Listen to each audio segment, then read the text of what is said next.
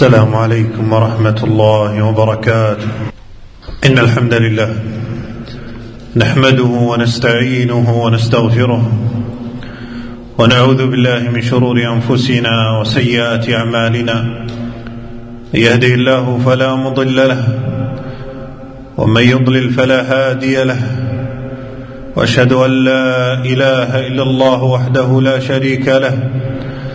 وأشهد أن محمدا عبده ورسوله. أما بعد فإن أصدق الحديث كلام الله وخير الهدي هدي محمد صلى الله عليه وسلم وشر الأمور محدثاتها وكل محدثة بدعة وكل بدعة ضلالة وكل ضلالة في النار. أما بعد عباد الله لقد خلقنا الله سبحانه لعبادته وأوجدنا في هذه الدنيا لتوحيده وطاعته وما خلقت الجن والإنس إلا ليعبدون وقرن الله تعالى توحيده بعمل عظيم وخلق كريم ألا وهو بر الوالدين والإحسان إلى الأبوين فكما أن الله سبحانه خلقنا وقدر أرزاقنا جعل الوالدين سببا لوجودنا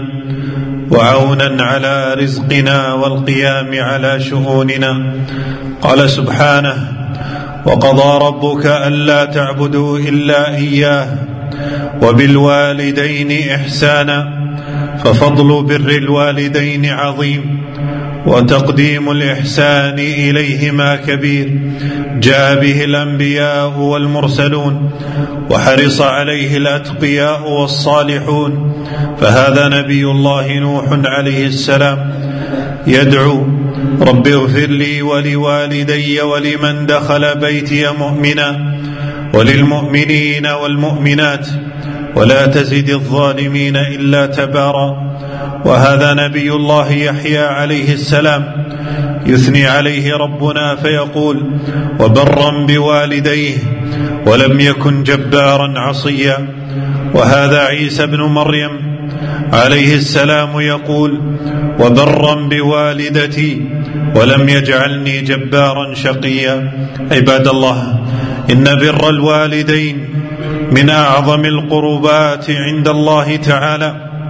فعن ابن مسعود رضي الله عنه قال سألت رسول الله صلى الله عليه وسلم أي الأعمال أحب إلى الله؟ قال الصلاة على وقتها. قلت ثم أي؟ قال ثم بر الوالدين. وإن بر الوالدين يزيد للإنسان في عمره. ويبارك له في رزقه. فعن أنس بن مالك رضي الله عنه قال قال رسول الله صلى الله عليه وسلم من أحب أن يمد له في عمره وأن يزاد له في رزقه فليبر والديه وليصل رحمه ومن عظم حق الوالدين عند الله سبحانه استجابته جل وعلا. لأحدهما إذا دعا لابنه أو رفع يديه لابنته.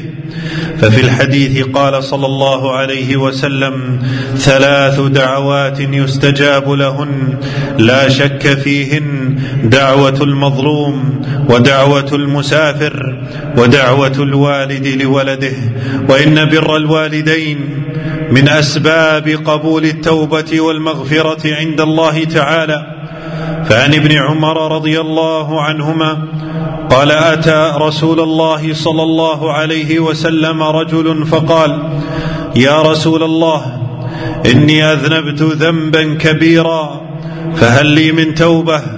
فقال له رسول الله صلى الله عليه وسلم ألك والدان؟ قال لا. قال فلك خالة؟ قال نعم. قال فبرها اذا عباد الله إن صور البر بالوالدين كثيرة وطرق الإحسان إليهما متنوعة فمن صور البر بهما إسعادهما وإدخال السرور عليهما ومدحهما أو الثناء عليهما. فعن عبد الله بن عمرو رضي الله عنهما قال إن رجلا أتى النبي صلى الله عليه وسلم فقال إني جئت أبايعك على الهجرة ولقد تركت أبواي يبكيان. قال ارجع إليهما فأضحكهما كما أبكيتهما. ومن صور البر تقديم رضاهما على رضا نفسه وزوجته وأولاده بالمعروف. وقد روى البخاري في الأدب المفرد عن أبي الدرداء رضي الله عنه قال أوصاني رسول الله صلى الله عليه وسلم بتسع وذكر منها وأطع والديك وإن أمراك أن تخرج من دنياك فاخرج لهما ومن صور البر احترامهما وتقديرهما وإخبارهما بكل ما يسرهما ويجلب الفرحة لهما. فإن لم يكن ذلك فلا تدخل الحزن والضيق عليهما بإخبارهما بمشاكلك أو خلافاتك الزوجية أو مشاكل عملك فإن ما أهمك سيهمهما وما أحزنك سيحزنهما. فاحرص على رضا والديك فإن في ذلك رضا الله سبحانه وتعالى. أقول ما تسمعون وأستغفر الله العظيم لي ولكم من كل ذنب فاستغفروه إنه هو الغفور الرحيم. الحمد لله والصلاة والسلام على رسول الله.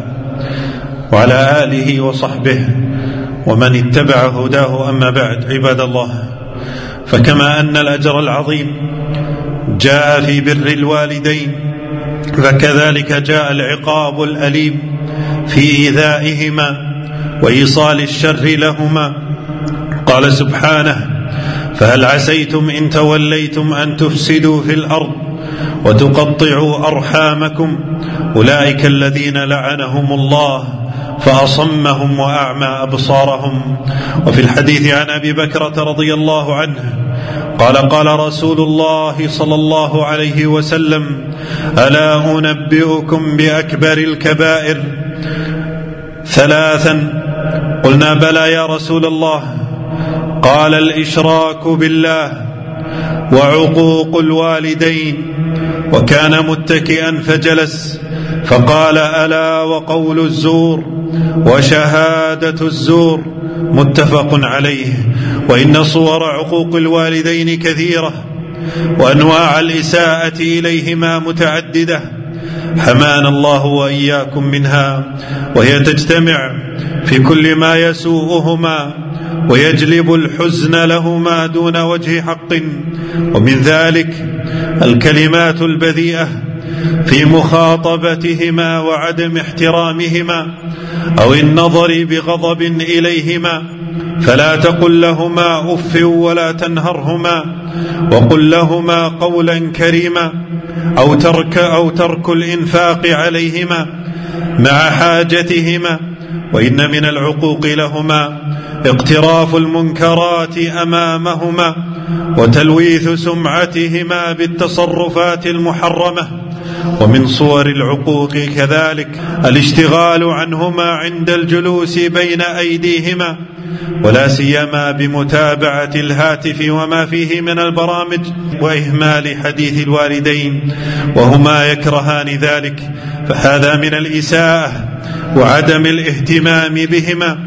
وفقنا الله وإياكم إلى بر الوالدين والإحسان إليهما أحياء وأمواتا. اللهم اغفر للمسلمين والمسلمات والمؤمنين والمؤمنات الأحياء منهم والأموات. ربنا اغفر لنا ولوالدينا. ربنا اغفر لنا ولوالدينا. ربنا اغفر لنا ولوالدينا. اللهم إنا نسألك العفو والعافية في الدنيا والآخرة. اللهم إنا نسألك العفو والعافية في الدنيا والآخرة. اللهم اسقنا الغيث ولا تجعلنا من القانطين. اللهم اسقنا الغيث ولا تجعلنا من القانطين. اللهم اسقنا الغيث ولا تجعلنا من القانطين. اللهم سقيا رحمة لا سقيا عذاب ولا هدم ولا غرق. اللهم إنا نسألك الجنة وما يقرب إليها من قول وعمل ونعوذ بك من النار وما يقرب إليها من قول وعمل. وصلى الله وسلم وبارك على نبينا محمد.